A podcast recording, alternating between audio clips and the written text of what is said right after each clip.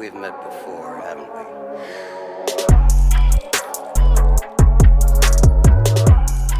ברוכים הבאים לפודקאסט נושמים קולנוע.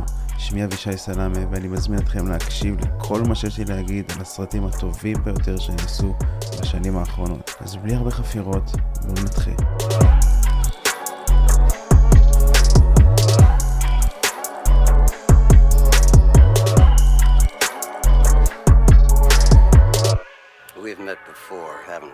אז שוב פעם, ברוכים הבאים, אנשים יקרים. אני אציג את עצמי בהתחלה, שמי אבישי סלאמה, בן 25, סטודנט לשעבר של קולנוע, סטודנט באקדמיה האינטרנטית Tomorrow Filmmakers, שאני ארחיב עליה בהמשך, בטוח. אמ, בחמש שנים האחרונות, בערך מאז שאני משוחרר מהצבא, ארבע-חמש שנים האחרונות, אני כותב, עושה, לומד, רואה סרטים. כמו שם הפודקאסט, אני נושם סרטים. זה באמת כל מה שאני עושה. אז על מה הפודקאסט הזה יהיה בעצם? בעיקרון, אני כל הזמן שאני רואה סרטים, במיוחד סרטים מאוד טובים, שאני מאוד אוהב, אני חייב ישר לדבר איתם. עם אנשים, חברים, חברה שלי, עם חברים שלי, עם ההורים שלי, ישר אני חייב להגיד להם, שמעו הסרט ככה וככה וככה וככה וככה. ונערות ונערות ונערות של מידע של הקהל הממוצע הוא לא רלוונטי. אז הקהל הפוטנציאלי הוא אנשים שאוהבים סרטים, שאוהבים לדבר על סרטים, ואוהבים להקשיב לאנשים שמדברים על סרטים. אני אנסה לכסות הרבה סרטים מכל הכיוונים. זאת אומרת, מבחינת עלילה, מבחינת משחק, מבחינת בימוי, מבחינת תאורה, מבחינת הפקה, מבחינת איך לעשות את זה אפילו. אז בעיקרון הפודקאסט הזה הולך ללכת ככה. כל פרק אני אקח סרט, שתיים, אולי שלוש במקסימום, ואני אנתח אותו. אני אעבור על התקציר העלילה שלו, ואני אעבור דבר דבר שלדעתי נראה חשוב, ואדבר. אני אנסה לא לחפור מדי מצד אחד, וגם לנסות שתקבלו כיסוי מלא לדבר. אז על מנת שתכירו אותי קצת יותר טוב ואיזה ז'אנר אני מתחבר פחות או יותר, עשיתי רשימה של עשרת הבמאים הטובים ביותר של התקופה האחרונה, ללא ספק בעיניי. ובואו נתחיל, למה אנחנו מחכים בעצם? במקום העשירי, אחד הגדולים שבאמת בתעשייה הזאתי, מרטין סקורסזה. יש כאלה שיגידו שהוא הגדול ביותר, אמרתי את זה כבר. בשבילי הוא מקום עשירי. את הקריירה של מרטין סקורסזה אני מחלק לשתי חלקים. בערך עד שנות ה-90-2000 ומשנות ה-2000. עד שנות ה-90-2000 הוא התעסק בעיקר במאפיה האיטלקית, סרטים על מאפיות, סרטים על פשע, פשע מוגזם, ודם, ואלימות, והיכולת להעביר אלימות פלוס דיאלוג פלוס מוזיקה בצורה פנומנלית. הוא עיצב את התרבות הקולנועית של משפחות הפשע. זה דבר אחד. דבר שני, הוא לקח את רוברט דה נירו ועשה ממנו שחקן אגדה. אף אחד לא יודע אם מישהו מכיר את רוברט דה נירו, הוא פשוט שיחק במלא סרטים שלו. רוברט דה נירו חייב לו את הקריירה שלו בעיניי. זה על מרטין סקורסזה של עד שנות ה-90-2000. משנות ה-90-2000 לקח איזשהו קורס נסתר על איך לשנות את היותך במאי.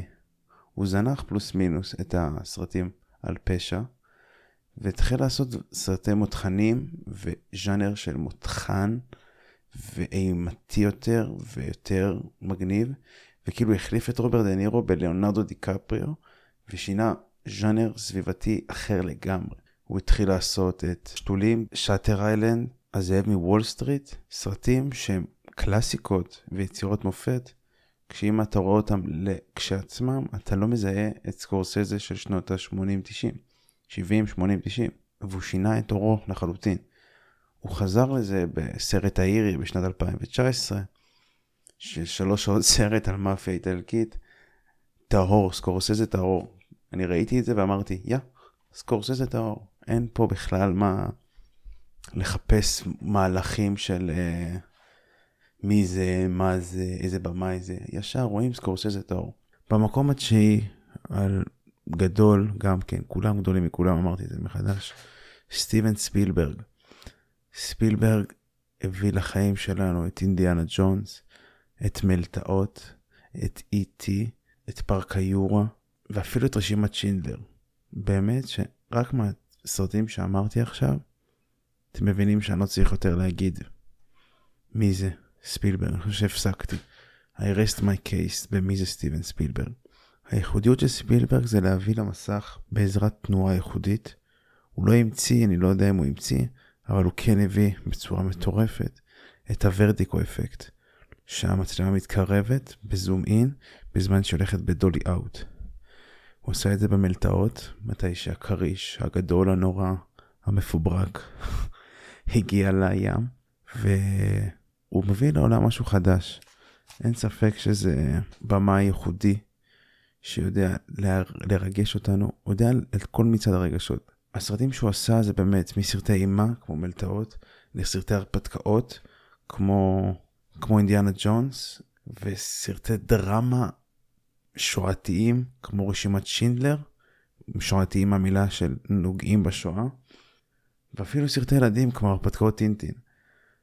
הוא עשה הכל, הכל הוא יודע לעשות. הוא עשה כל כך הרבה פרויקטים שאם אני רק אמנה אותם, אמנה אותם, אחד עד, עד שהוא סיים, מהראשון עד שהוא סיים, ייקח לי לפחות 20 דקות, וזה רק בלהגיד, בלקרוא. ספילברג הוא באמת אחד האנשים ששינו את התעשייה הזאתי, שהביאו נוף חדש, וגם עליו אני ארחיב בסרטים ספציפיים, כמו קולס, אה, אינדיאנה ג'ונס, אני, אני אגיד לכם את חוות דעת שלי. כל פארק היורה, מלטעות כמובן, רשימת שינדלר, ורשימה עוד ארוכה של מה שאני אזכור של ספילברג. וכרגע נעבור למקום השמיני שלנו. מקום שמיני, הבמאי של הסרט שאני הכי אוהב בעולם, שהוא מקועקע לי על היד, אבל הוא במקום השמיני. דיוויד פינצ'ר. דיוויד פינצ'ר אחראי לקלאסיקות הבאות, שימו לב. שבעת החטאים, Fight Club, זה זודיאק, הרשת החברתית, נעלמת, המשחק ועוד המון סרטים מעולים, כולם מעולים. הוא עוסק בעיקר סרטי מותחן, מותחן מסוג אחר של סקורסזה של שנות האלפיים, דיברנו מקודם. זה בעיקר סרטים מותחן פסיכולוגי יותר. הוא מומחה לז'אנר המותחן פסיכולוגי, הוא יודע להעביר את הפסיכולוגיה של העלילה. ו... ולמה אני אומר עלילה ולא דמויות? כי יש לי בעיה עם פינצ'ר, בעיה קלה. למה הוא רק מקום שמיני אצלי ולא הולך אחורה?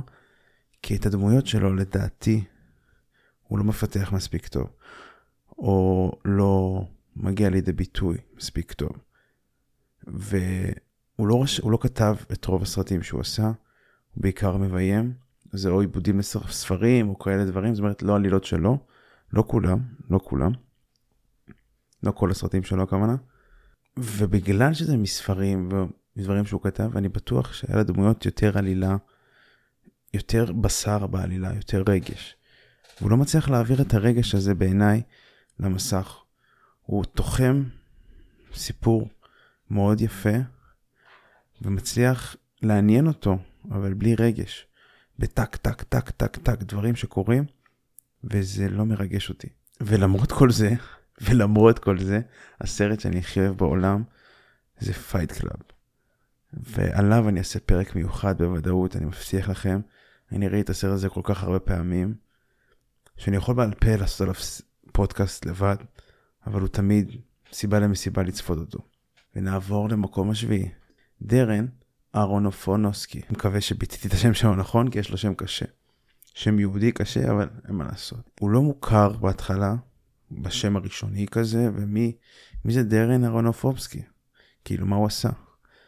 ואז מסתכלים על רשימת סרטים שלו ומבינים שהוא עשה קלאסיקות מופת, לא פחות, קלאסיקות מופת. הוא עשה את רגבים לחלום, ברבור שחור, המבול, המתאבק, המעיין, זה סרטים לא בנוף הפופוליסטי מדי, זה סרטים שלא תפסו תאוצה ברמת המכירת כרטיסים, ברמת ה... ה... וואו, כן ראיתי את הסרט הזה והזה, אבל הם סרטים פשוט טובים. סרטים מרגשים, סרטים שמדברים על הרגש. אם דיברנו מקודם על פינצ'ר שאין לו רגש בדמויות לדעתי, אז, אז הבחור הזה, הבמאי דרן הזה, הוא בדיוק הפוך. הסרטים שלו מלאים ברגש, פוצצים ברגש אפילו. אי אפשר להסביר את ה... צריך לראות סרט שלו בשביל להבין. ולמה הוא נכנס למקום שביעי? זה בגלל שכל סרט שלו שאני ראיתי, ואני עוד אראה, כאילו סיימתי את כולם, וכל סרט שלו שראיתי, אני אהבתי. וזה בעיניי סימן לבמאי טוב. אפילו אם אני לא הכרתי אותו, מי זה, מה זה, הוא לא פופולרי כמו שאר האנשים פה. פשוט כל סרט שלו, התחברתי לה, התחברתי אליו. וזה מה ששם אותו במקום השביעי, מעל סקורסזה, מעל ספילבר ומעל פינצ'ר. כי הם סרטים טובים, אנשים שהשפיעו על התעשייה, אבל לא את כולם אהבתי. הוא כל סרט שלו מדויק לטעם של אבישי. במקום השישי, האחים כהן. האחים כהן הביאו לעולם את פארגו, את ביג לבובסקי, את No Old Country for, uh, No Country, את פארגו, ביג לבובסקי, את No Country for Old Man, והסגנון שלהם באמת ייחודי.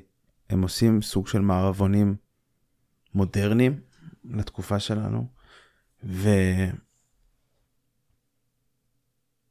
זה פשוט סנסציה בעיניי. כאילו היכולת להביא את המערבון של שנות ה-30, 40, 50, 60, לא 30, 40, יותר 50, 60, אבל להביא את המערבון לשנות ה-90, 2000, 2000 ואפילו, הם עובדים גם בשנת 2010 פלוס ועד היום, באמת באמת יכולת, יכולת מעולה בעיניי. הם מצחיקים, יודעים לכתוב מצחיק, הם יודעים לבחור שחקנים בצורה טובה, יודעים לביים שחקנים אולי הכי טוב מהרשימה שיש לי עכשיו. כל הפעם המשחק שלהם, של השחקנים, מדויק למה שהם רוצים להעביר. אם הם רוצים שהוא יהיה פחות טוב, הוא יהיה פחות טוב, אם הם רוצים שהוא יהיה יותר טוב, הוא יהיה יותר טוב. אין מה לפרט יותר מדי על האחים כהן, הם פשוט טובים, הם, הם, שם בתעשייה, הם יותר טובים מסקורסזה וספילברג לדעתי את הסרטים שאם הם היו עושים את הסרטים שלהם, זה היה הרבה יותר טוב, זה נראה אחרת, יש להם את הנגיעה שלהם. בגלל זה הם מקום שישי, כי הם פשוט טובים, הם לא הכי טובים, הם לא עשו איזה קלאסיקות של וואו, שמשנה חיים, אבל הם טובים. וכל סרט הוא טוב לכל הקהל, לא רק לאבישי. במקום החמישי נמצא לו במאי לא אמריקאי, שעושה סרטים ז'אנר אמריקאי אבל לא אמריקאי, בונג ג'ו הוא. אתם מכירים אותו כבמאי של פרזיטים, אבל הוא עשה עוד המון דברים יפים. לא המון, אין לו הרבה כל כך הרבה סרטים, חמישה, שישה סרטים מאוד יפים. הוא עשה את זיכרונות מרצח. הוא עשה את רכבת הקרח, סרט שעכשיו יש עליו סדרה בנטפליקס שמבוססת עליו. סרט ששינה משהו בעולם הזה, שמספר סיפור שלא סופר. על רכבת שיש עשירים ועניים, מעמדות. אני לא אעשה לכם ספוילרים, כי אנחנו צריכים לדבר על הסרט הזה בנפרד. ובאמת, דובדבן שבקצפת, אחד הסרטים הטובים ביותר שנעשו ever, בטופ, טופ 50, טופ 30, שנעשו אי פעם, פרזיטים. שעתיים ומשהו, שעתיים וחצי לדעתי, של קוריאנים, הורגים קוריאנים, עם צחוק, אימה, דרמה, מתח ועניין. היכולת לעניין בצורה מטורפת את הצופה הלא קוריאני לדרמות שקורות בדרום קוריאה. הסגנון, הייחודיות יותר נכון, של בונג ג'ו הוא, הוא היכולת לדבר על מעמדות. בקוריאה ככל הנראה, מהסרטים שלו יש מעמדות עשירים ועניים. יש את האלה שיותר זוכים בהכרה, מהעולם ויש כאלה שפחות זוכים בהכרה מהעולם. ובונג אוהב לדבר על המעמדות האלה, הוא עשה את זה ברכבת הקרח, הוא עשה את זה בזיכרונות מרצח, הוא עשה את זה באוקצ'ה, והוא עשה את זה בפרזיטים, שיא היצירה שלו בעצם. וזה דבר יפה להביא איזשהו נושא פוליטי בדרום קוריאה למסך הגדול, אבל בצורה עקיפה. זאת אומרת, הוא לא בא ויורה לך סרט דוקומנטרי של תראה איזה מעמדות, תראה איזה פה, איזה, איזה גרוע פה ואיזה טוב שמה. לא, הוא עושה את זה בצורה מאוד יפה, מאוד אלגנטית, מאוד קולנועית, כי זה היכולת של קולנוע, להעביר מסרים בצ... עם סיפורים טובים. להציג אנשים שיכולים להיות אמיתיים, וככל הנראה 80%, 70% מהם אמיתיים, כאילו בדמות שבונים, ולהעביר אותם למסך הגדול, ואחרי זה למסך הקטן, שאנחנו רואים את זה בטלוויזיה ובמחשב. וככה אנחנו, בכל רחבי העולם, שלא מודעים לסיטואציה הפוליטית שקורית שם, או לסיטואציה החברתית שקורית שם, שכל במאי רוצה להעביר. פשוט אנחנו מבינים את זה, רואים את זה ואנחנו אומרים וואי איזה באסה, איך אפשר לעזור, איך אפשר זה, בוא נלך לחקור מה קורה בקוריאה או דברים כאלה, או להבין מה התרבות של איפה שהסרט נעשה. וזה מה שעושה את בונג ג'ו הו באמת במאי טוב, כי הוא מצליח להביא את המעמדות לדרג הרחב יותר. הסרטים שלו, כמו שאמרתי, הם לא יותר מדי אה, פרופגנדים, הם מאוד קולנועיים, הוא קולנוען ברמה, מהשורה הראשונה ביותר של ההיסטוריה. והוא עושה סרטים. סרטי תעמולה חברתיים, אפשר להגיד. זהו, זה על בונג ג'ו הו. ובמקום הרביעי, ואנחנו מתקרבים באמת, זה כל אחד פה זה קליבר בפני עצמו. אני מזכיר את זה. כל אחד זה, זה מפלצת של קולנוע שיכול לעשות כל מה שתגידו לו. וזה באמת ברמה של כל אחד עושה רק מה שהוא רוצה לעשות. כל אחד משהו, אין אחד שלא יודע ברשימה הזאת ועוד הרבה שגם לא הזכרתי, שהוא לא יודע קולנוע. פשוט אלה, באמת, וארבעה אחרונים, באמת, זה שמות של פוף. אז במקום הרביעי, פול תומאס אנדרסון, הצעיר ברשימה, לדעתי, ואולי הבמאי הכי מבטיח של, ה... של, של התקופה הבאה של הקולנוע. או, ה... או, ה... או ה... ההיטקוק הבא, הספילברג הבא, ה... לא יודע מה. הוא הפול תומאס אנדרסון של, ה... של הקולנוע. ופול תומאס אנדרסון הביא לעולם את לילות בוגי, את מגנוליה, את זה ייגמר בדם, ליקריט ספיץ האחרון הנדיר שהוא עשה, והם לא סרטים, כמו בסרטים של uh, האחים כהן, הסרטים שלו הם לא בפסגת הפופולריות ברשימה. זאת אומרת, אני הלכתי לראות ליקריט ספיצה באמת לפני חודשיים, והייתי באולם קולנוע אני, חברה שלי, ועוד זוג שנרדם באמצע הסרט. וחברה שלי לא נרדמה כי אני הכרחתי אותה לא להירדם. זה רק לאנשים שאוהבים קולנוע. ולמה הוא במקום רביעי ברשימה ולא יותר נמוך נגיד? כי אני אוהב קולנוע. הסרטים שלו מדויקים, הם חדים, הם טובים, הם מצחיקים, הם פשוט סרטים מופלאים. הסגנון של תומאס אנדרסון הוא אספקט רחב של זמן לקצר אותו לסיפור מאוד קליל. בסופו של דבר סיפור מאוד קליל. כל הסיפורים שלו זה סיפור על X פוגש Y עושה Z, דברים כאלה. ועל רוחב זמן מאוד רחב, בדרך כלל על רחוב זמן של כמה חודשים, שנים, שהסיפור הזה מתמשך, והוא מצליח לעניין, מצליח לעניין. ו, ובסגנון הבימוי שלו, הוא מאוד מדויק, הוא אוהב צבעים, הוא אוהב סדר, השוטים מאוד יפים, מאוד נעימים, מאוד אלגנטיים, מאוד צבעוניים, הם מאוד מדויקים, מסודרים, נעימים לעין. צד ימין שווה לצד שמאל, ואם הוא לא שווה אז בכוונה הוא לא שווה. הלמעלה שווה ללמטה. התאורה תישפך יפה על הפרצוף. אין דבר כזה שאפילו בן אדם שהוא לא יפה טבעית, הוא יוציא אותו יפה כמה שיותר. זה הסגנון של פול תומס אנדרסון. גם עליו אנחנו נרחיב סרטים שלו, סרטים כמו לילות בוגי וזה ייגמר בדם.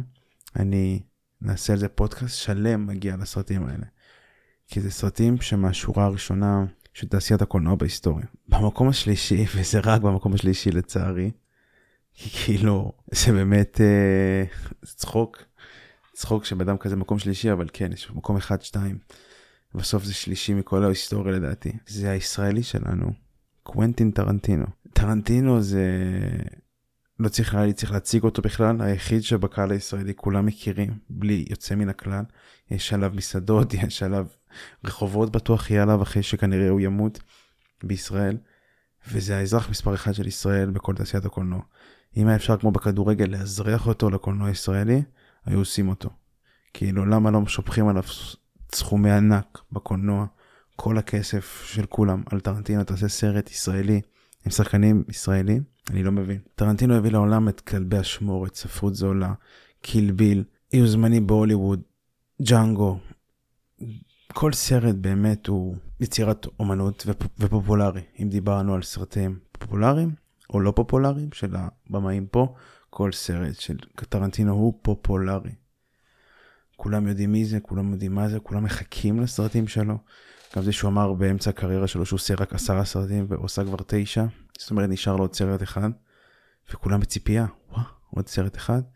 ושיצא בקיץ שעבר היו זמנים בהוליווד, זה הסרט התשיעי שלו, אמרו יואו, זה הסרט הלפני האחרון. והוא כזה סיכם את הסרט, את הקריירה שלו בצורה נפלאה. והיו זמנים בהוליווד, זה אחד הסרטים היותר טובים של טרנטינו, היו לו פחות טובים, אבל זה אחד הטובים שלו. וגם עליו צריך להרחיב פודקאסט שלם לגמרי. על זה ועל ספרות זולה וכלבי אשמורת. ספוילר בפודקאסט הבא, כלבי אשמורת. הסגנון של טרנטינו הוא... אני אגיד לכם איך לימדו אותי באוניברסיטה, באוניברסיטת תל אביב. ובקורס אה, תסריטאות שעשיתי. אל תכתוב דיאלוג יותר מחמש דקות, אלא אם כן אתה טרנטינו. מה זה אומר? שרק הטרנטינו מותר ב, בהיסטוריית הקולנוע לכתוב דיאלוג מחמש, לכתוב דיאלוג של יותר מחמש דקות. ולמה? כי הבן אדם יודע לעניין אותך במשך 7, 10, 11, רבע שעה, לא זוכר כבר כמה, כמה ארוכים הסצנות שלו. באמת שכאלה שהוא עשה דיאלוגים ארוכים, אבל בכולם ובכולם, בלי יוצא מן הכלל, הוא עניין. הוא יודע את סודות התסריט בצורה הכי טובה בתולדות הקולנוע. אין ספק שזה בן אדם שאם הוא לא היה, אם הוא לא היה חי עדיין, היו לומדים אותו כבר. לומדים אותו כבר עכשיו, זה לא קשור, אבל הרבה יותר, נכנסים לו לקרביים. ואיך בן אדם כזה יכול לכתוב תסריט צורה שלמה.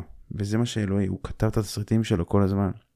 הוא גם כותב וגם מביים. אי אפשר להסביר. כל דבר אי אפשר להסביר בקולנוע. צריך ממש להיכנס לזה כדי להסביר. אבל פשוט אתה רואה ואתה נהנה. אין דבר כזה שאתה רואה סרט שלו ואתה לא נהנה. זאת אומרת, אי אפשר, לא ראיתי בן אדם אחד שאמר, יא, איזה סרט גרוע. לא. שזה היכולת של טרנטינו. להגיע לכולם, לכאלה שיותר מבינים בצורה יותר טובה, לכאלה שפחות מבינים בצורה טובה, אבל כולם אוהבים.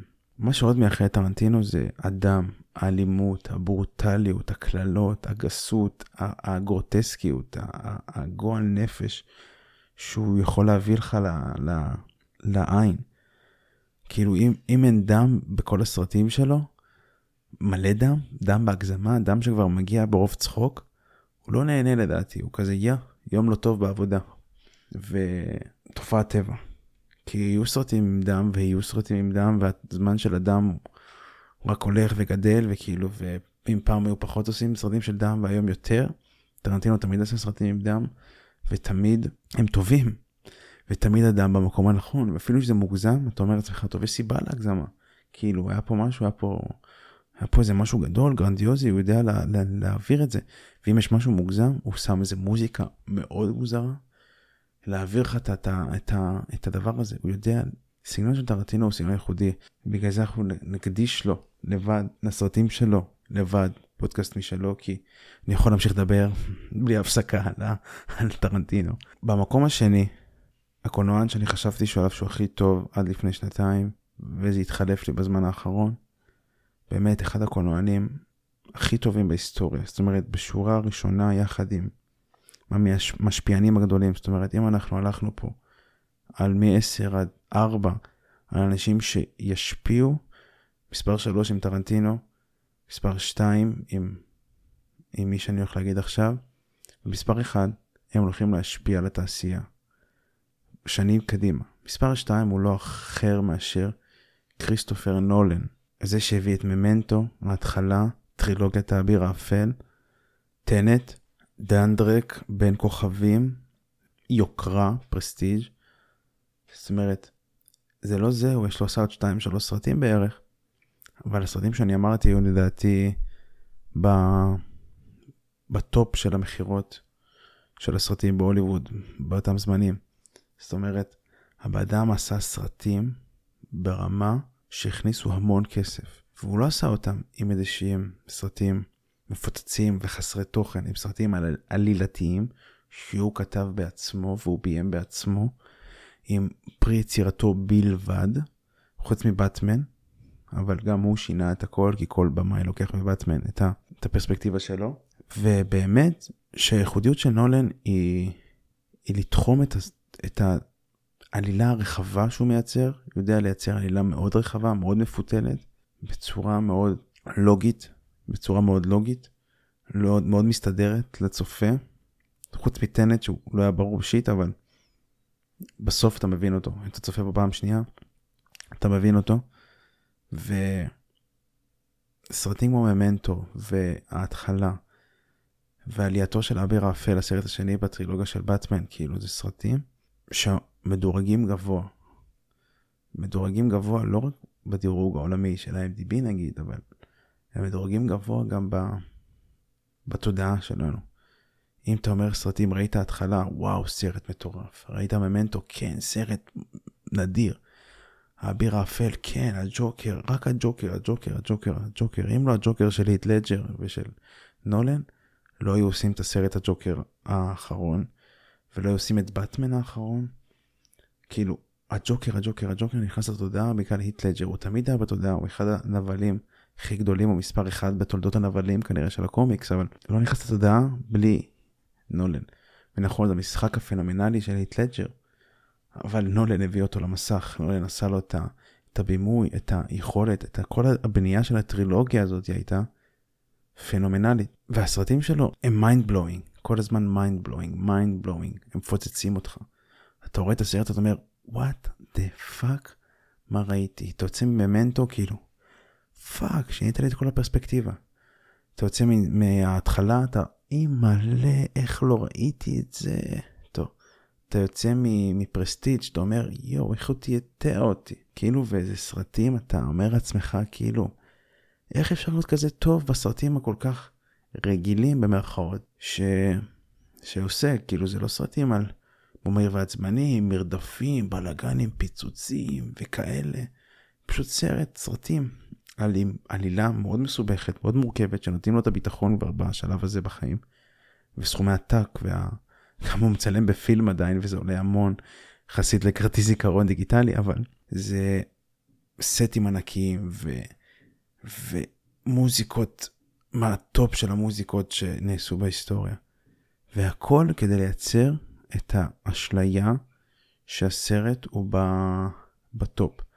וזו אשליה שעובדת, כי הוא באמת בטופ. זאת אומרת, עלילה, בימוי, משחק, והתפאורה, זאת אומרת, תפאורה זה עטיפה, זאת אומרת, תפאורה זה כאילו מוזיקה ו-advertising וכל הדברים האלה. הם עושים איזה סרט ברמה הגבוהה ביותר וזה עובד להם כי הסרט באמת מחזיר. זאת אומרת, יש סרטים שהם היו בטופ, בטופ של המכירות או בטופ של הפופולריות, אבל הם לא היו הכי טובים, הם נהנו מה... מה... מהכריזמה שלהם. וזה היום הוא נהנה מהכריזמה של נולן, אבל גם כשהוא התחיל, לא היה לו את הכריזמה של נולן, זאת אומרת, לא היית אומר סרט של נולן וכולם היו משתחווים עומדים דום, ו... והוא עדיין היה עושה את זה. והנולן זה לא פרק ולא שתיים ולא שלוש, זה צריך סדרה לבד, סדרה, פודקאסט, כריסטופר נולן לעשות ולדבר עליו. ובמקום הראשון, האחד והיחיד, הבמאי שאני הכי אוהב, שאני יכול לקעקע את כל הגוף שלי עליו. באמת, אין לי מילים לתאר את הבן אדם הזה יותר, חוץ משאני אוהב אותו, וזה ש... שיהיה יום אבל בשבילי, שהוא ימות, ויום אבל לקולנוע בוודאות. דיוויד לינץ'. עכשיו, יש כאלה שירימו גבה, ויש כאלה שיגידו, מה, מי זה בכלל? וגם אני אגיד לכם את השמות של הסרטים, אולי לא תדעו מי זה, כי הסרטים שלו הם לא בראש המכירות של ה... פופולרי וגם הוא הסרט האחרון שהוא עשה היה לפני 17-18 שנה, 2005, כמה זה יוצא? 17 שנה. ולמרות זה, הוא הביא לעולם את Elephant Man, וראש מחק, ואת Blue Velvet, את Lost Highway, Mulholland Drive, Inland Empire, שהוא הסרט השני שאני אוהב אחרי Fight Club של אה, פינצ'ר. ובאמת שהסרטים שלו כל, כל, כל דיוויד לינץ' הוא ברמה של לא נתקלתי. הוא כאילו מדייק, בגלל זה זה דעתי, כל הרשימה הזאת היא דעתי הרי. והוא באמת מדייק ל... ל... הוא באמת מדייק לאהבה שלי בסרטים. השילוב בין עלילה ל... לרגש, לסיפור, למשחק, זמן של סרט, מוזיקה, השילוב הכי נכון, ו- והתמה של הסרט. אני נתקלתי בדייוויד לינץ' לראשונה לפני שנתיים, שחבר אמר לי, תראה Mulholland Drive. אמרתי לו, מה? אמר לי Mulholland Drive של דייוויד לינץ', אמרתי לו, מי זה? הוא אומר לי, איך אתה, בן אדם שרואה סרטים כולו, מבין קולנוע, לא שמעת את השם הזה עדיין. ואמרתי, אה, בטח סתם במאי פה, שם, אז ראיתי Mulholland Drive, יצאתי אחרי שעתיים ומשהו של הסרט, ב-what the fuck אחד גדול. כאילו, באותו רגע עשיתי rewatch לסרט. זה היה בשתיים בלילה, ראיתי אותו עד ארבע וחצי מחדש. לא יכלתי להפסיק לראות. ואם דיברנו על כל הסרטים, דיוויד לינץ' מגיע לו ערוץ יוטיוב לבד. לא פודקאסט שלם, מגיע לו ערוץ יוטיוב לבד לדיוויד לינץ'. אבל מה שמיוחד בו זה שהוא, התמה שלו, הוא מדבר בעיקר על חלומות, על הגבול בין חלום ללא חלום, בין מודע לתת מודע. הוא יודע להיכנס לנפש שלו ולדמיין מה אנשים אחרים היו חושבים בנפש שלהם. הוא משלב מוזיקה, מוזיקה אמיתית שירים בתוך הסרטים שלו, הוא משלב משחק לא אמין בכוונה, הוא משלב דברים מגעילים ומוזרים, מפחידים, כי זה מה שלדעתו כל, ה, כל הנפש שלנו. היא עשויה ממוזיקה, מדברים מפחידים, מדברים מגעילים, ודברים שאנחנו מחביאים בתת מודע. בתת מודע אנחנו מחביאים את הפחדים. אם אני מפחד מעכברים לדוגמה, אז בתת מודע, אם אני אציף לעצמי את התת מודע למסך, אני אראה בתאו, בוודאות אני אראה עכבר, אבל לא עכבר קטן כמו באמת. אני אראה איזה עכבר ענק, מפחיד, גדול, או משהו שמשתלב עם העכבר, אם אני מפחד גם מאיזה, נגיד שוטרים, סתם דוגמה. אז אני אראה שוטר שהוא עכבר, זאת אומרת השילוב, הקומבינציה של הפחד שלי משתלבת אליי, ביחד עם מוזיקה שאני כל הזמן שומע, שאני אוהב, ו, וכנראה שהיא תטמע לי בתת מודע. וזה דברים שהולכים והולכים והולכים והולכים מסרט לסרט, הוא רק מגזים ומגזים ומגזים, ומגיע ל- ליצירות מופת מטורפות. זאת אומרת, הסרט הראשון שלו, ראש מחק, שגם עליו אני אדבר בקרוב, אולי הסרט הכי פחות טוב שלו, אבל הוא הסרט הכי, הכי עמוק, הכי סוריאליסטי שלו. ואז הוא הלך, הלך קדימה בשנים, עשה סרטים, חלק הוא כתב, חלק הביאו אותו במיוחד לביים, הוא עשה הרבה סרטים, ואז הוא הגיע לסוף שנות האלפיים, ל-Lost Highway. שלוש סרטים אחרונים שלו, Lost Highway, Mulholland Drive ו-Inland Empire. והם הביאו בשורה, בשורה מדייוויד לינץ', בשורה של חברים, אני לקראת סוף הקריירה שלי, אני הולך לעשות מה שרציתי, ולא אכפת לי. אני כבר עשיתי דברים יפים, כולכם אהבתם, עכשיו תורי לעשות מה שאני אוהב. ו-Lost Highway, סרט שמפוצץ אותך 70%. אתה יוצא מהסרט, what the fuck? ואתה לא מבין בכלל איפה, איפה, איפה היית בכלל? מה ראית? נגיד עברת את זה. אתה רואה Mulholland Drive. אתה יוצא מהסרט, כמו שאמרתי, ראיתי צפייה מחדש. כי אם זה היה 70 אתה יוצא ב-90 שריטה. אתה לא מבין בכלל מה, אתה, אם, אתה, אתה בכלל לא יכול לדמיין בכלל מה ראית אתה. אתה כל כך צחקת, התרגשת, פחדת, וחשבת שאתה מבין מה הולך פה, אבל אתה לא מבין בכלל כלום. שילוב של, של סוריאליזם, ו, וכאילו בדיחה על חשבון הצופה, אבל במעטפת של סיפור מאוד עמוק ומאוד יפה. וזה כאילו בעיקרון הסרט הכי טוב שלו, המדורג הכי גבוה, סרט שהכי מכירים. אלוננדרייד זה סרט שלקראת הסוף באמת הביא אותו להכרה שהוא היה צריך בחיים האלה, כי הוא באמת הבמאי הכי טוב מכולם, ביפר לדעתי. ואז הסרט האחרון הגיע, אינלנד אמפייר. שסרט שלוש שעות, שלוש שעות ב-2005 זה המון, זה לא כמו סרטים של היום. והוא פשוט כנראה, אני לא ראיינתי את הבן אדם, אני לא דיברתי איתו הרי, ולא קראתי אפילו שום דבר על זה, אבל כנראה הבן אדם אמר עצמו, זה הסרט האחרון שלי, אני שם פס על כולם ועושה מה שבא לי, כי מותר לי, כי אני פאקינג דיוויד לינץ', הסרט האחרון שלי, אני כבר מתקרב לזקנה, ומתקרב לפה, ומתקרב לשם, ואני עושה מה שבא לי. ופשוט הוא לקח שלוש שעות, שמי שמכיר את הסרטים הרוסים של שנות האלפיים, של סרטים מוזרים ובעיקר לא מובנים, אה, רוסים של שנות ה-20, אמרתי אלפיים, סליחה. מי שמכיר את הסרטים הרוסים של שנות ה-20, 1920 עד 1930, המוזרים האלה, שעסוקים ב... במשהו לא מובן כזה, ביחד עם השילוב עם הסרטים הגרמניים של שנות ה-30, הוא הביא לזה את הז'אנר האמריקאי, את הז'אנר הדייוויד לינצ'י של עצמו, ושלוש שעות של סרט שאתה יוצא, ואני ראיתי אותו פעמיים, ואני לא הבנתי כלום. אני עד היום, אני קראתי, אני קראתי את הדברים האלה באינטרנט, ואני אומר לעצמי, לא יודע איך הם הגיעו לשם, כי אני לא הבנתי כלום. אני מצליח אולי להבין חלקים מסוימים, אבל אני לא מצליח להבין כלום.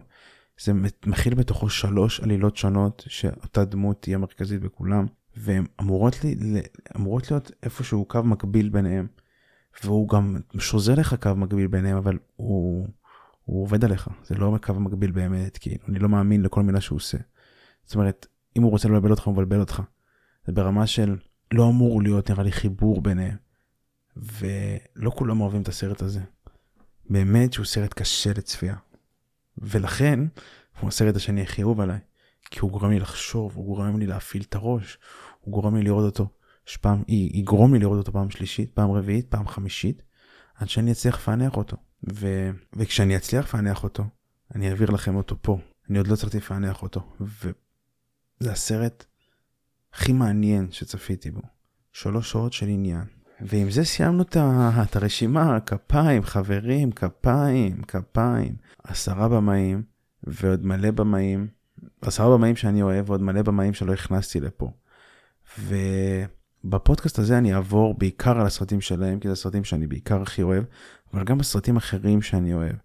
וסרטים שהשפיעו על התופעה הזאת שנקראת תעשיית הקולנוע בשנת 2022. אני אעבור גם על סרטים שאני לא אוהב, נגיד, אני אתן ספוילר, אני מאוד לא אוהב קול מהיר ועצבני, ואני מאוד לא אוהב את תעשיות המרוויל, חוץ מסרטים פה ושמה, ו...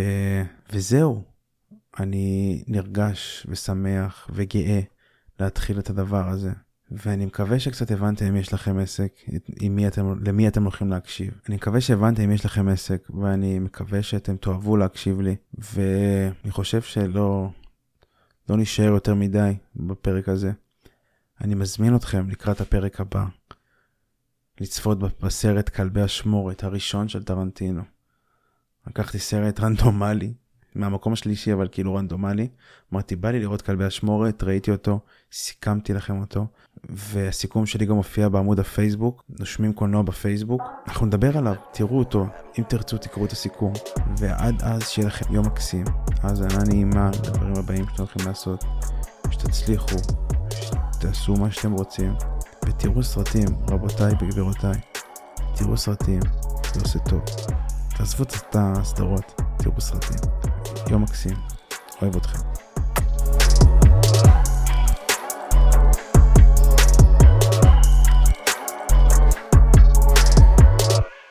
Met before, haven't we?